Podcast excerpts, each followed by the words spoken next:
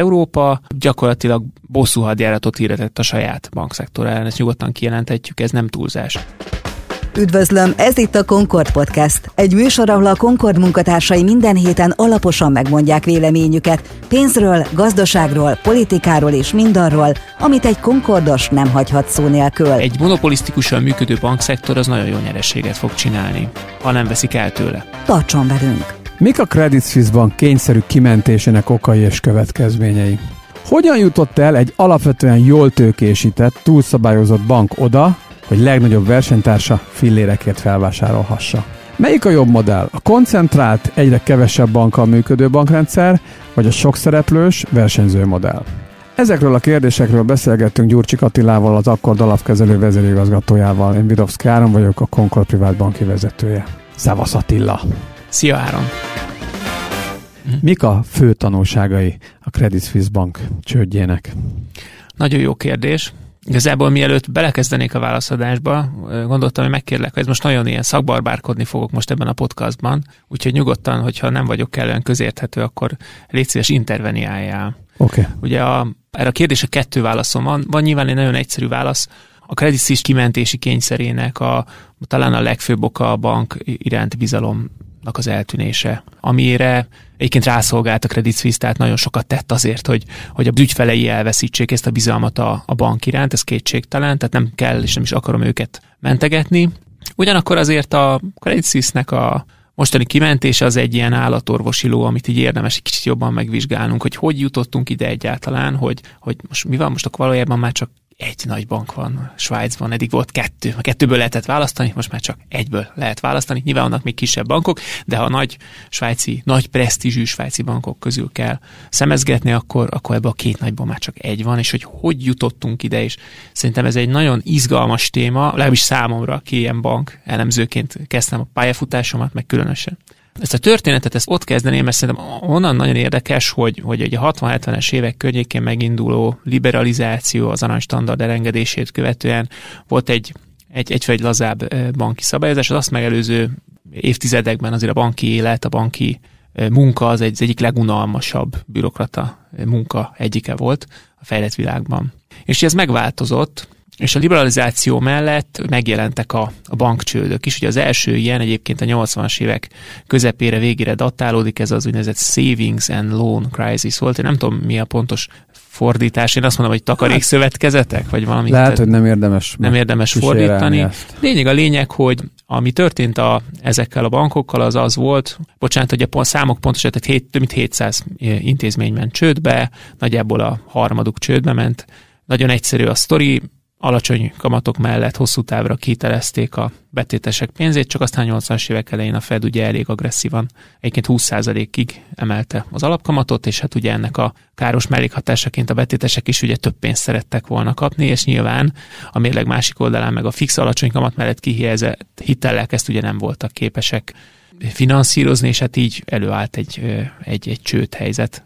Tulajdonképpen az, ami most a Silicon Valley Banknál Tökéletesen történt, ugyanaz, így de van vissza hozzád. Vissza. És csak ugye a, akkor 731 pénzintézet ment csődben, most meg akkor kettő vagy három. És ugye ez picit a mondani valómnak is majd a lényege lesz, hogy igen. Ebből is látszik, hogy van fejlődés a világban. Igen. Bár mondjuk mérlegfőszegre egyébként nem feltétlenül, de, de igen. Lényeg a lényeg, hogy, hogy aztán természetesen a, a pénzpiac sokkal nagyobb ütemben, meg gyorsabban fejlődött, meg a tőkepiac, mint ahogy ezt a szabályozó követni tudta volna, és ugye ezt követően azért tíz évente voltak botrányok, gyakorlatilag a a long term capitalnek a csődje volt a 90-es évek végén, majd azt követően, abból is voltak, abból is lettek már szűrve tanulságok, de azt gondolom, hogy a, a rendszer nem lett alapjaiban megjavítva, de az igazi dorbézolás, ha úgy tetszik, az, a, az nyilván a 2008-2009-es nagy pénzügyi válságban öltött testet, ami egyértelműen egy rossz kockázati profilú bankrendszer által okozott válság, tehát ugye ez az ikonikus példa, amikor a filmben, hogy a striptease táncos nőnek van ugye öt lakása, meg még két családi háza, tehát hogy, hogy nagyon komoly ingatlanpiaci lufit sikerült fújni, és ugye ez a pénzügyi rendszer ebben az egy nyakig benne volt, és ennek megfelelően a csőd szélére is jutott. Tehát ez innen a sztorinak ugye ez a fele, és innen datálódik a, az a mértéktelen és egyébként populista politikusok által imádott bankár ellenesség, amire pont tegnap volt egy cikk, amit olvastam, hogy, hogy ugye még mindig előjön ez a pöfeszkedő private jeten utazó bankárok, akik aztán meglépnek a pénzet típusú sztereotípia, ha úgy tetszik, ami, ami, ami, ami nagyon jól rezonál arra, amit a, az emberek sokszor erről a szektorról gondolnak. És akkor mi lett ennek a következménye? Csak nem a túlszabályozás? Hát a bosszú. Ugye a túlszabályozás a bosszú, de eltérő mértékben. Tehát az Egyesült Államokban azért megmaradt egyfajta tudom, liberalizmus, nem tudom, minek nevezzem, de hogy, de hogy ott olyan, nem volt olyan mértékű túlszabályozottság, mint amit, mint amit Európában látunk. Tehát Európa gyakorlatilag bosszú hadjáratot hirdetett a saját bankszektor ellen, ezt nyugodtan kijelenthetjük, ez nem túlzás. Tehát a számok szintjén ez azt jelenti, hogy a ma vagy mondjuk a tavalyi évet nézzük, mert az egy jó éve volt, ha úgy tetszik a bankszektornak, akkor a, az európai bankszektor eredmény, vagy jövedelmezősége az a harmada, az amerikainak, ami ugye azt jelenti, és ez most meg egy kicsi szakbarbárkodás, hogy a saját tőkárányos megtérülés Amerikában az olyan 15% körül alakult, Európában meg 5% körül alakult. Tehát magyarul bankrészvényesként, akkor a befizetett saját tőkéd után évi 5%-ot kerestél, és ezek a jó évek, mert hiszen volt nagyon sok olyan év a múltban, amikor veszteséges volt a bankszektor, a rossz években akkor még, tehát átlagban ez pár százalékos nyereségességet jelent és nyugodtan kijelenthetjük, hogy a két régió közti különbség az egyértelműen a szabályozói túlkapásnak a, az eredménye, és ugye a Silicon Valley bank csődjéből mit tanultak az európai szabályozók, hát ők ezt most önigazolásként élik meg. Úgy élik meg, hogy na lám, milyen jó, hogy így leszabályoztuk az európai bankszektort, lám, lám, akkor itt nálunk ilyen típusú csőd, mint ugye a Silicon Valley banknál nem lesz. Mielőtt tovább megyünk ezen az úton, most ezen a ponton eszembe jutott Kovács Krisztiánknak egy, egy érdekes adata, amit talán egy évvel ezelőtt el is mondott valamelyik műsorban, de aztán majd ő pontosít, ha szeretne. És ez pedig arról szól, hogy a, a banki szabályozás, amit nek nekiállt a Amerika és Európa is, ott Amerikában Ugye ilyenkor jogászok, bürokraták elkezdenek szabályokat írogatni, ott ebből lett egy 25 ezer oldalnyi szabályozási anyag, még Európában a MIFID-del tavalyig bezárólag másfél millió oldalnyi új szabályozás vagy ahhoz kapcsolható anyag született. Zárója bejárva, bezárva, folytathatod Attila.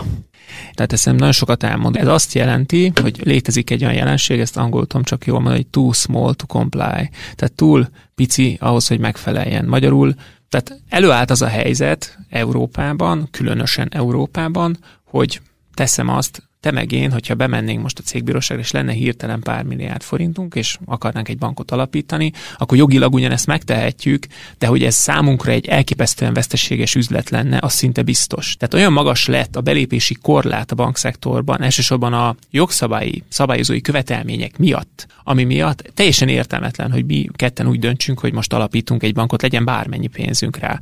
És amit az előbb mondtam, hogy mi a saját tőkárányos megtérülés, az összefügg egy csomó-csomó dologgal. Tehát, hogy mi miért tennénk be a pénzünket, amikor a legjobb időben, tehát a ciklus tetején, amikor legjobban megy a gazdaság, akkor a saját tőkére vetítve 5%-ot tud, nem, mi nem tudnánk 5%-ot keresni, mert nekünk egy kis bankunk lenne. Az 5%-ot a nagy európai bankok, akik már mérethatékonyak, azt, azok tudják ezt elérni. Jó esetben el tudják kérni a 8-9-et, de átlagban 5-nél járunk, ami botrányosan pici. És ugye ez összefügg azzal, hogy, is, hogy milyen árazáson forognak az európai bankok. Az európai bankok a saját tőkéjüknek a felén kereskednek a tőzsdén, ami ugye az mondja neked meg nekem, ha most holnap bemennénk és indítanánk egy bankot, akkor azonnal feleznénk. Minimum feleznénk. A felét a pénznek azt tuti elbuknánk, ezt mondja a piac. És ezek a nagy bankok, tehát mivel mi kis bankot csinálnánk elsőre, ezért mi ennél jóval nagyobbat buknánk. És ugye mit mond ezzel, meg a, meg a sok millió oldalnyi szabályozás? Egy dolgot mond el, az, hogy a verseny sérül. És nek ez a legfőbb kritikám egyébként a mi Fiddel szemben is, hogy a verseny sérül. Tehát nem az történik, hogy most ez nyilván az én saját példám, hogy az ügyfél legyen az bárhol, bármilyen értékesítési ponton, azt a befektetési alapot fogja megvenni, vagy azt a szolgáltatót választja, amelyik a legjobb a piacon. Nem, nem. Nem ezek, a MIFID miatt eh, nem, nem tud ez történni, hanem más szempontok kerülnek elő, amelyek egyébként az ügyfél szempontjából valójában nem annyira relevánsak, de összességében sérül a verseny. És, és ez a legfőbb kritikám egyébként a szabályozással szemben. Hát ezen a ponton adódik az a kérdés, Attila, hogy itt van az a végtelenül túlszabályozott európai bankrendszer, akkor hogy történhet meg az, ami a Credit suisse mégis megtörtént? Azért, mert ez egy svájci bank, és nem is az európai felügyeleti szervek ellenőrzik, vagy valami más porszem csúszott a gépezetbe. Tulajdonképpen a, a Credit Suisse az, az ugye, amit most így elmeséltünk, meg beszéltünk, abban a kontextusban egy, egy érdekes sztori, hogy Credit Suisse egy kis bank lett volna, egy, egy, egy N plusz egyedik kicsi bank, aki most épp ugye csőcélére került, akkor senkit nem érdekelne. Tényleg a Financial Times hatodik oldalán megjelent volna, senki nem foglalkozott vele. Ez valójában annyit mond a Credit Suisse-nek a mostani helyzet, ami bizalomvesztés miatt történt, ugye ez a, ez a helyzet, amiben a Credit Suisse került, hogy így működik ez a koncentrált bankrendszer, hogy sajnos, mert ugye mert, mert amiről beszéltünk eddig, az, az ugye mi, miről, miről is beszélünk, arról beszélünk, hogy a szabályozó egyértelműen abba az irányba tolja a bankpiacot, hogy konszolidálódjon, hiszen ez a too small to comply is azt jelenti, hogy nagynak kell lenned, hogy mérethatékony legyél, hogy ezt a rengeteg szabályozó költséget ki tud fizetni, és még, még nyerességes is tudjál maradni. Tehát megy egy, egyfajta egyértelmű koncentrációja a bankszektornak. És ugye ettől a szabályozó azt reméli, hogy ezt a kevés bankot majd én jól fogom tudni felügyelni, mert a sok kicsit az már az bonyolult, az nehéz. És ugye ebben van egy érdek egyezőség, a, ahogy tetszik a politika, a társadalom, és azt gondolja, hogy, hogy hát ezek a, hogy szabályozó, rendszabályozzuk le ezeket a, ezeket a kapzsi bankárokat, mert csak a baj van velük. Ugye? Tehát, hogy itt van egy teljes egyértelmű, ebbe, ebbe az irányba toljuk ugye a, a szereplőket. És ugye van egy több tízezer fős szervezet, mondjuk Credit is egy sok tízezer fős szervezet volt, és van benne pár ember, aki helytelent cselekszik, vagy nem pár ember, jó sok ember, de tönkretenni annak a cégnek a reputációját. És ez egy kis bankban történt volna, akkor tényleg, hát lapoztunk volna, nem történt volna sem. Így is lapozni fog a piac szerintem, de ez más kérdés. De akkor lapoztunk volna, akkor nem lett volna ez annyira izgalmas. De ez most az a pár ember, aki benne volt az elmúlt évek nagy botrányaiban, amivel a Credit Suisse neve felmerült, az valójában néhány ember okozta, és a maradék több tízezer melyik az tisztességesen végezte a munkáját. És ugye ez az a dilemma, ami szerintem egy rettentő érdekes szituáció, az, hogy, hogy van a szabályozó, a politika, az szeretne egy koncentrált bankszektort, azt könnyű felügyelni, azt egyébként könnyű adóztatni is, meg, meg, meg egyéb szabályokat rákényszeríteni, és a társadalom ebben partner, hogy ezeket a bankárokat, ezeket rendszabályozzuk meg, amennyire lehet, és ugye erre mondom én azt, hogy eközben a koncentrációs folyamatnak a lezajlása közben sérül a verseny. De brutálisan sérül a verseny. És nem feltétlenül lesz sokkal stabilabb. Tehát, hogy a cserébe azt várjuk, hogy majd stabil lesz. De ugye az a Credit Suisse példája pont azt mutatja meg, hogy ú, már nagyon összekoncentráltunk, már csak két bank, két nagy bank volt, na az egyik mégis sikerült, egyiknek mégis csak sikerült eldőlnie. És ez már rendszer szinten probléma, ezt már muszáj volt megmenteni, tehát végig is, is presztis kérdést csináltak, megmentették. De, de amit én mondok, az az, hogy hogy itt van egy, egy ilyen hit, hogyha te koncentrálod a bankrendszer, csak néhány bankrendszer, akkor az majd szuper stabil lesz, az majd szabályozó lekezelés, akkor az tök jó lesz. És ezzel szemben én meg azt mondom, az én elméletem, vagy az én ilyen szabadpiaci felfogásom az más. Én azt gondolom, hogy, hogy sokkal jobb lenne, ha 1500 bank lenne hogyha az lenne, hogy, hogy van 1500 közepes méretű bankot, azok azira versenyeznek a betétekért, a megtakarításokért, a hitelek kibocsátásért, vagy a gazdaság hitelezéséért is élénk verseny folyna. És igen, és ez a nehéz része ennek, és ezért, ezért azt gondolom, hogy az én, én illúziókat kergetek sok szempontból, hogy igen, és és hogyha van, és ebben benne van az, hogy ezek a bankok ezek a kockázati versenyt is folytatnak, és néha egy-egy rosszul menedzselt bank, amikor a gazdaság épp recesszió közé állapotba kerül, akkor ebben az 1500 bankból 20-30 fejre áll. És akkor nem tudom, tényleg a Financial Times-nak a nyolcadik oldalán megjelenik, hogy hát ez 10-20 bank csődbe ment. És kit érdekel, kicsik nem számít. Igen, lehet, hogy az adófizetőknek ez belekerül valamennyibe. De ha azt a kérdést teszem fel, hogy, hogy mi a jobb, hogyha van egy versenyző bankrendszer, ahol az ügyfelekért, a megtakarításokért, a mérleg mindkét oldalán, tehát a hitelfelvevőkért, a betétesekért élénk verseny folyik, és mindenki azon dolgozik, hogy a lehető legjobb szolgáltatást nyújtsák, és közben a gazdaságot is szupermód finanszírozzák. És igen, mind, ez egy ciklikus biznisz, amit a politika nem tud elfogadni, ez egy ciklikus biznisz, hogy akkor hát van egy válság, egy recesszió, igen, akkor ebből csődbe megy valami. Minden egyes ciklikus szektorban, amikor válság van, egy pár cég csődbe megy. Ez ilyen. Nem tud máshogy történni. De nem ezt a modellt választjuk, hanem azt a modellt választjuk, hogy koncentráljuk a bankszektort, akkor most már slides is két bank helyett csak egy bank van, és ezt eladjuk, hogy ez jó. És én nekem az a kétségem, hogy valójában a társadalom És ez egy klasszikus ilyen, olyan egy ilyen fogoly dilemma valójában, tehát egy ilyen játékelmet helyzet, amely az egyén azt gondolja, hogy jobban jár akkor, hogyha rávall a bankára, holott, hogyha kvázi közösen gondolkodnának, akkor jobb végkimenet lenne. És a jobb végkimenet az szerintem az, hogy egy versenyző, sok szereplős bankrendszerünk van, de totál nem ebbe az irányba haladunk. És egyébként a kérdésedre válasz, ha majd csak 10 bank lesz a végén, ott ugyanúgy lehet, hogy lesz egy vagy két vagy tíz ember, aki kapzsi, aki rosszat akar, aki rossz szándékú, és ugyanúgy szétveri annak a banknak a reputációt, akkor a kilencedik bankot majd felvásárolja a hetedik, és akkor majd lesz a végén csak nyolc bank. Ezen a ponton a következőt gondolom. Tökéletesen egyetértek azzal, hogy a Credit Suisse-nél van több tízezer teljesen szabályosan és rendesen dolgozó bankár, és van egy tucat, aki meghozta azokat a döntéseket, amelyek problémásak voltak, amelyek ide vezettek. És nem tudom, hogy ezek az emberek, ezek egyébként született gazemberek voltak, vagy pedig az vezetett ide, ami egyébként klasszikusan ilyen szabályozási kérdés bármilyen más üzletágban, hogy egyrészt meg akarsz felelni a szabályozásnak, amitől, ami annyira bonyolult, hogy teljesen leviszi a bizniszednek a megtérülését, hiszen látjuk, hiszen te is mondtad, hogy a, a book value alatt forognak a bankok nagy része, de ugyanakkor a tulajdonosok részéről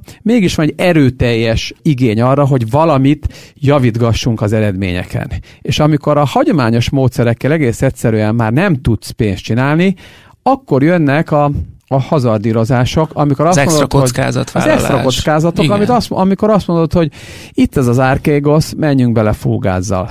Bár nem egészen gondoljuk, hogy ez a legjobb befektetés. Vagy egy bolgár üzletembernek próbáljunk meg pénzt mosni egy kis plusz pénzért.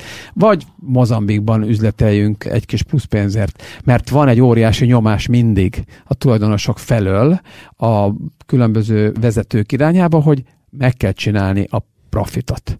De a másik oldalon azért legyünk rohadtul compliantek a másfél millió oldalnyi MIFID szabályozásnak, és ezek a helyzetek a legjobb indulatú és legprudensebb banki szakemberekből is egy ide után kihozhatják ezeket a, ezeket a furcsaságokat. Nem ismerem mélységében a történetet. Igen, de nem gondolom, hogy ott amúgy született bűnözők ülnének. Igen, ilyen szempontból gondolom azt, és ugye erre is akartam részben kifutatni ezt a beszélgetést, hogy a Credit Suisse csődje az, a, az ennek a túlszabályozásnak a kudarca. Tehát egy olyan bank, ami túl, tőké, túl volt tőkésítve, tehát messze-messze több tőkéje volt, mint az, ami átlagos, és egyébként is minden szabályozó elvírásnak megfelelt. A likviditási mutatói is kiválóak voltak. És valójában szerintem ez egy kudarc, egy, egy kudarca ennek a, ennek a túlszabályozásnak, a szabályozói dűnek, ami tombol Európában, de nem ezeket a tanulságokat fogjuk leszűrni. Azt, azt szűrjük le, hogy milyen jól csináltuk. Az, az lesz a leszűrése ennek, hogy, hogy lám-lám milyen jó járt az európai bankrendszer, hogy azokat a gyerekbetegségeket, amelyeket most Amerikában a Silicon Valley Bank csődjénél láttunk, azokat nem látjuk, vagy nem szenvedte el, és úgy gondolunk a Credit Suisse-re, hogy hát az egy rossz bank volt, kivétel, úgy tetszik kivétel, ami inkább erősíti a szabályt. Tehát ez egy önerősítés lesz az európai politikában, hogy, egy ön, vagy megerősítik azt, hogy egy jó döntést hoztak, és szerintem meg nem. Tehát, tehát egyébként az teljesen látható, hogy a, az, hogy ennyire túlszabályozott az európai bankszektor, az, az Európa gazdasági lemaradásához hozzájárult az elmúlt tíz évben. Tehát a Lehman Brothers csődje utáni kilábalás tekintetében az eurozóna brutálisan lemaradt Amerikához képest, és ebben a bankrendszer nyakig benne van, ez szerintem nem kérdés. Tehát óriási, ezért a stabilitásért cserébe, ami, egy, ami lássuk be, hogy egy, egy ástabilitás nem ez valós. Ez mert ugye itt, itt, a, egy látszat, itt a példa, a Credit a példa, hogy ez egy látszat stabilitás, ennek a társadalom óriási árat fizet ezért, tehát kisebb növekedés, drágább hitelek, rosszabb betéti kamatok, rosszabb megtakarítási struktúra. Tehát minden szempontból rossz, és csak ezt nehéz kimutatni. Az, hogy nyilván kiáll egy politikus, és azt mondja, hogy fú, hát nálunk nem ment csődbe egy bank sem, annyira szét van tők, és annyira túl van likvid, annyira likvid, hogy itt aztán semmi gond nem lesz. Nyilván ez egy politikusnak jó, de a társadalom egészének. Ez az egész helyzet, ez rossz, és ha ez így tovább folytatódik, ez a koncentráció, akkor értelmszerűen a végén csak néhány bank lesz, akik meg majd és már ilyen elnézést, de hogy, hogy tényleg egy kicsit picit túl gondolva ezt a, ezt a dolgot, de hogy akkor már csak néhány bank lesz, akkor azok elkezdek majd monopolisztikusan működni, akkor azok előbb-utóbb meg már majd a végén túl sok profitot fognak csinálni, de jó, meg azt meg lehet adóztatni. Tehát, hogy gyakorlatilag megszüntetjük a kétszintű bankrendszert. A végén oda jutunk ezzel, ami egész egyszerűen nem lehet hogy szerintem célja, ha, ha már a piacgazdaságot akarunk üzemeltetni, ez persze egy kérdés, hogy van-e ilyen cél, de azt gondolom, hogy a bankrendszernek az elsődleges funkciója az a megtakarítók és a hitelfelvevőknek az összekötés és pénzforgalmi szolgáltatások nyújtása és a gazdaságnak a, a, az ütőere, a gerince. Ez, ha ez jól működik, ha ez jól működik, abból jó beruházások vannak, jól alakulnak, hogy a megtakarítás. Tehát ez,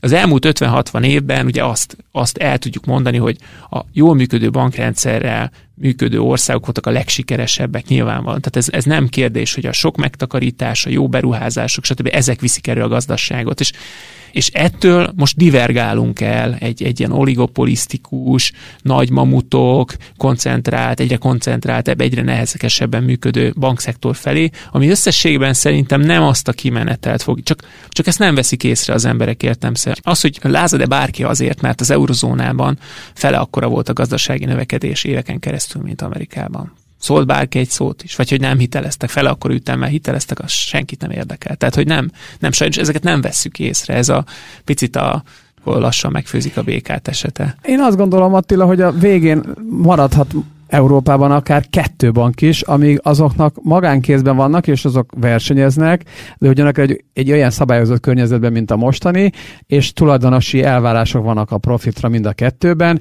addig akár lehet, hogy a kettőből az egyikben néha mindig lesz pár ember, akinek lesz valami szuper jó ötlete, pontosan olyan típusú ötletek, ami egy picit meg tudja verni a másikat, mint amit a Credit Suisse-nél láttunk. Tehát akkor innentől már igen, és az akkor is jobb lenne, hogy lesz, állami lesz kézben egy, lennének, hogyha, mert ott nincsen legalább Hát igen, mert ha, az, ha mondjuk a második bankról kiderül, hogy ott van egy darab zsivány, aki csinált megint valami rosszasságot. És De csak akkor, azért, hogy egy picit jobb eredményeket igen, hozzon, igen, mint akkor, a versenytárs Igen, és akkor majd, számúban. akkor, akkor majd az ügyfelek elbizonytalannak, és átheszik a pénzüket az első számú bankba, és akkor a végén már csak egy bank marad. Én fogva tényleg azt mondom, hogy akkor már hagyjuk az egészet a francba, legyenek Igen, állami kézbe a bankok, ott legalább Nyilván nincs ez az, az, az, talán elvárás, a, az talán a legrosszabb, ami történhet, én azt gondolom. Nyilván itt még nem tartunk, ez csak egy ilyen gondolatkísérlet hát, még volt. másfél millió oldal MIFID szabályozást még legyártunk, azt be, Igen, betartatjuk, igen, akkor ide fogunk jutni körülbelül.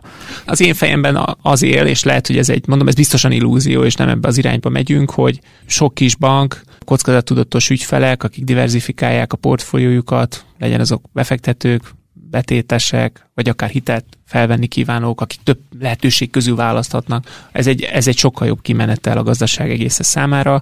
Tehát azt gondolom, hogy, hogy a mostani válság, ez egy, szerintem ez egy mini bankválság volt, amit most láttunk, E- ebből nem ezt a tanulságot fogjuk leszűrni, hanem valami, valami teljesen mást. És kíváncsi leszek, hogy, hogy milyen ütemben tűnnek majd el a bankok az elkövetkező 10-20-30 évben, de, ha, de úgy érzem, hogy fog maradni ez a tendencia. Nevezetesen, hogy, hogy egyre koncentráltabb lesz, és egyre kevésbé versenyző a bankszektor. Na, ehhez képest akkor nézzük meg azt, Attila, hogy hogy állunk Magyarországon, mint az Európai Unió integráns része. Bankügyileg? alapvetően a banki szabályozás az minőt szigorodott ugye az elmúlt tizenvalahány évben, hogy mondtam, hogy Amerika az, az próbálta a piaci versenyt, meg a, meg a sok szereplős banki modellt valamennyire életben tartani, Európa az egy nagyon-nagyon szigorú utat választott, tehát Európa azért ebben meglehetősen ilyen intervenciópárti volt valójában. Pont tegnap jött a Bloombergen egy hír, hogy a, a svájci felügyelet támogatja, hogy melyik vezérigazgatót vegye fel a UBS-hez az integrációhoz. És így egy, az első gondolat, ami felmerült a fejembe, az, hogy tehát mi közük van hozzá? Hát ez egy magáncég, könyörgöm. De nem, tehát, tehát itt már itt tartunk Svájcban is. Na, és akkor ugye ehhez képest a, a ma már intervencionalistának, általam intervencionalistának nevezett Európai Unióhoz képest Magyarországon szerintem még durvább a, a beavatkozás mértéke, ami a gazdaságpolitikának úgy tűnik egy kiemelt célja. Tehát itt nálunk már nem abba az irányba ment el a, a, a szabályozó, hogy, a, hogy feltétlen a versenyt erősíteni kell, hanem hogy nagyon durván a mérleg mindkét oldalán beavatkozik a, a bankrendszer működésébe. Tehát egyrészt ugye most elméletileg nagyon magas kamatok vannak Magyarországon, nagyon magas az alapkamat, de ezt a magánszemélyek ugye egyfelől nem kap- kaphatják meg, amennyit még megkaphatnak, meg annyit se kapnak meg a bankoktól, mert a bankoknak egyfelől nem érdeke, másrészt meg ki lett rájuk egy hatalmas adó, tehát nem is tudnák már ezt a magas kamatot kifizetni a betéteseknek, tehát ott a, a, a megtakarítási oldalnak ez a része szinte teljesen be van fagyasztva adókkal, meg egyéb szabályokkal. Ugyanakkor az állam a megtakarítások foglalkozik, tehát ugye mindenféle speciális állampapírokkal magához próbálja vonzani a lakossági megtakarításokat, egyfajta benchmarkot felállítva az ugyanezekért a megtakarításért egyébként elvben versenyző tőkepiacnak és bankpiacnak, tehát hogy az az oldal is, tehát, tehát szinte minden eleme szabályozva van, vagy valamilyen szintű beavatkozás van a, a mérleg ennek az oldalán, és ugye a banki mérlegnek a másik felén, ahol meg ugye végül is azért vannak ezek a bankok, hogy közvetítsenek a megtakarítók és a hitelt felvenni kívánók között, ott is azért a, a különösen fontos része, hogy azok a, a, a vállalati hitelek, KKV hitelek eh, eh, részén is ugye teljes állami beavatkozás van, tehát ott is eh, megvan, meg, vannak különféle állami hitelprogramok, tehát hogy milyen kamattal lehet felvenni hiteleket, voltak mindenféle kötvényprogramok, tehát hogy gyakorlatilag minden eleme a, a banki mérlegnek mondhatjuk, hogy mindkét felén nagyon komoly beavatkozás van. És mindemellett igaz az Magyarországra is, hogy nálunk is alapvetően koncentrálódik értelemszerűen a, a bankszektor. Most, ha mindezek után tőkepiaci szempontból, befektetési szempontból nézzük meg a, az európai bankrendszert, tehát kicsit nyissuk ki megint a fókuszt, vagy távolítsuk el Magyarországtól a, a, a figyelmünket, tehát figyeljünk egész Európára, akkor néhány héttel ezelőtt volt egy beszélgetésünk Léfünk Hájtánnal, a Concord elemzési vezetőjével, aki bankelemző, és tőle is megkérdeztem azt, hogy hát akkor más volt ugyan a kontextus, de hogy azt mondtam, hogy azért nem rohanok el a podcast szobából banki, európai bankindexet venni, és akkor azt mondta, hogy de azért ezzel együtt ő lát olyan európai bankokat, amelyek nagyon attraktív árazáson forognak, és mindezzel együtt ő pont akkor azt mondta, hogy például az OTP-t és az Erszt-t ő azt egyébként vásárolná. Na, akkor téged, mint alapkezelő, portfóliókezelő kérdezlek befektetési szempontból, tehát akkor az európai bankszektorban te mindezekkel együtt, amiket elmondtál, látsz azért olyan bankokat, amiket érdemes lenne megvenni nézegetni vételre. Igen, tehát a, a, én úgy gondolom, hogy, hogy ez egy önmagában egy nagyon érdekes kérdés, hogy, hogy e fel a, a két modell, amit most így beszélgettünk, hogy egy, egy liberálisabb versenyző, vagy egy, vagy egy koncentrálódó modell közül melyik a jobb. Nekem az a válaszom, hogy, hogy szerintem a társadalomnak a versenyző modell a jobb. Ez a koncentrált modell pedig ez olyan, hogy szerintem lesznek időszakok, amikor a, a részvényeseknek nagyon jó lesz. Ebből az következik, hogy ezt a szabályozói költséget a társadalom fizeti, mint hogy az adókat is az ügyfelek fizetik. Tehát ez előbb-utóbb beépül az árba értelemszerűen. Tehát egy monopolisztikusan működő bankszektor az nagyon jó nyereséget fog csinálni, ha nem veszik el tőle. És ugye ennek fényében azt gondolom, hogy igen, vannak jó lehetőségek az európai piacon, olyan helyeken, ahol, ahol mondjuk kicsi az esély annak, hogy ha jól megy, akkor elveszik, akkor, akkor értelemszerűen lehet pénzt keresni, hiszen akkor ezek a bankok lesznek olyan időszak, amikor nagyon jó profitot fognak csinálni. Ha tetszett ez a podcast, akkor iratkozzatok fel Concord csoport nevű YouTube, Spotify, Apple és Google Podcast csatornánkra, írásainkat pedig olvassátok a concordblog.hu. Attila, nagyon szépen köszönöm. Köszönöm szépen.